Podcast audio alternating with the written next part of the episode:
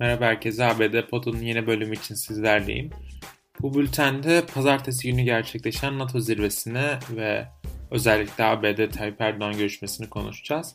Peki neler yaşandı NATO zirvesinde? ABD ve Joe Biden hükümeti ne gibi mesajlar verdi dünyaya? Bir göz atalım. Öncelikle genel olarak Joe Biden'ın bir ABD geri döndü mesajı vardı. Özellikle Avrupa, Avrupa liderlerle yaptığı görüşmelerde de ABD'nin artık siyasi arenaya, uluslararası arenaya geri döndüğü mesajı hakimdi. Özellikle Trump döneminde yaşanan çeşitli anlaşmazlıklar Avrupalı ülkelerle, Avrupa Birliği ile olan ilişkilerde çeşitli gerilmeler sebep olmuştu. Ancak Joe Biden'ın gerek Macron'la gerek Merkel'le gerek diğer Avrupa ve NATO ülkeleriyle kurduğu ilişkiler Trump yönetimine kıyasla daha yapıcı, daha işbirlikçi diyebiliriz. Özellikle Donald Trump döneminde NATO'ya karşı bir ön yargı vardı. Yani Donald Trump yönetiminin NATO'ya karşı bir karşıtlığı söz konusuydu. NATO'dan çekilme dahi söz konusu olmuştu Trump döneminde. Biden'da bunun tam tersi politikaların gerçekleştiğini görüyoruz. Yani Biden'ın tamamıyla NATO'yu desteklediğini ve NATO ülkelerinin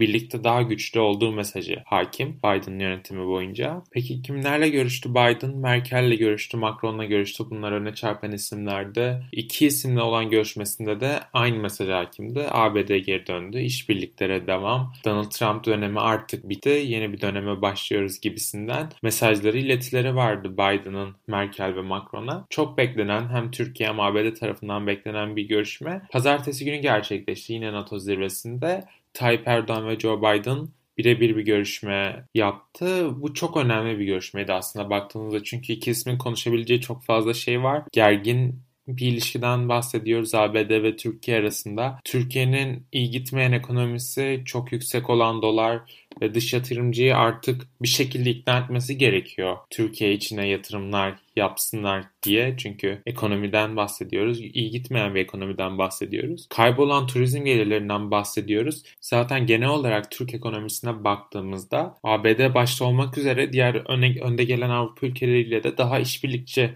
ilişkiler kurmamız gerekiyor ki ülkeye olan, Türkiye için olan yatırımlar artsın, turizm gelirleri koronaya rağmen bir noktada yükselsin ve genel olarak ekonomide bir toparlanma yaşansın. Erdoğan da bu umutlarla gitti aslında NATO zirvesinde Brüksel'e. Joe Biden'ın yaptığı 24 Nisan açıklamasından sonra ilişkiler oldukça gerilmişti. Sözde Ermeni soykırımını tanıyan bir açıklaması olmuştu. Joe Biden'ın yine Tayyip Erdoğan'la yaptığı bir telefon görüşmesinde 24 Nisan'da. Ondan beri daha da gerilen bir döneme girmişti ABD Türkiye dış siyasete. Peki neler değişti? Pek de bir şey değişmedi açıkçası yani. Görüşmede kayda değer bir şey konuşulmamış gibi gözüktü. Çünkü gitmeden önce Brüksel'e Tayyip Erdoğan'ın yaptığı bir açıklama vardı. Özellikle 24 Nisan olayları ile ilgili bu konuyu gündeme getireceğini söylemişti Biden'a karşı. Ancak hemen ertesi gün aynı Tayyip Erdoğan Ermeni olaylarını yani 24 Nisan'da Joe Biden'ın söz Ermeni soykırımını tanıması kararını asla masaya yatırılmadığının hatta hamdolsun gündeme gelmedi şeklinde iletti. Yani aslında en çok konuşmak istediği konuyu konuşmamasından duyduğu bir memnuniyeti dile getirmiş oldu Türk Cumhurbaşkanı. Bu iç siyasette tepki çekti çünkü bir önceki gün farklı bir şey söylüyorsunuz. İç siyasette bunu malzeme haline getirip propaganda yapıyorsunuz ve daha sonrasında Joe Biden'la görüştüğünüzde bunu gündeme getirmiyorsunuz gibisinden tepkiler geldi CHP ve İyi Parti'den. Millet İttifakı ortaklarından. Bunun dışında bir Afganistan gündemi vardı. Yani Afganistan Kabil Havalimanı'nın Türk askerleri tarafından korunması önerisi götürülmüştü. AK Parti hükümetinden NATO ve ABD'ye ve bu konuda taraflar anlaşmış gibi gözüküyor aslında ABD hükümeti ve Türk hükümeti. İş bir noktada meclise kalıyor çünkü İyi Parti ve CHP'li yetkililer Afganistan'a yeniden asker gönderilebilmesi için ya da Afga Afganistan'daki Türk askerlerinin hava alanına aktarılabilmesi için yeni tezkere gerektiğini ifade ediyorlar. Nasıl olur tezkere meclise gelir mi zaten mecliste AK Parti MHP çoğunlukta muhtemelen geçecek bir tezkere olacaktır. Bu işler nasıl işleyecek önümüzdeki günlerde daha da net göreceğiz.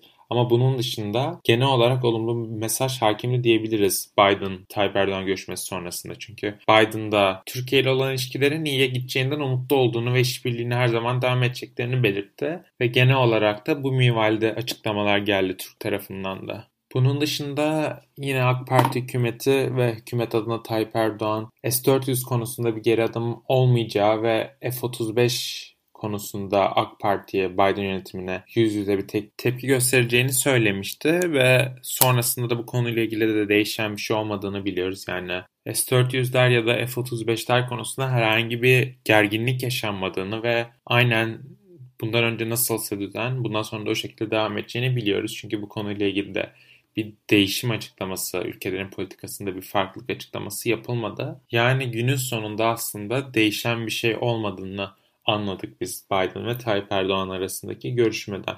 Peki bunun dışında neler yaşandı? Biden'ın Putin'le görüşeceği biliniyor. Ukrayna'nın NATO'ya üyelik konusu yine gündeme geldi NATO zirvesinde. Biden'dan Ukrayna'ya yolsuzluk çağrısı geldi. Yani aslında Ukrayna'nın NATO üyesi olabilmesi için ülkedeki yolsuzlukların ve diğer antidemokratik eylemlerin minimize edilmesi gerektiği çağrısı geldi Biden'dan Ukrayna'ya.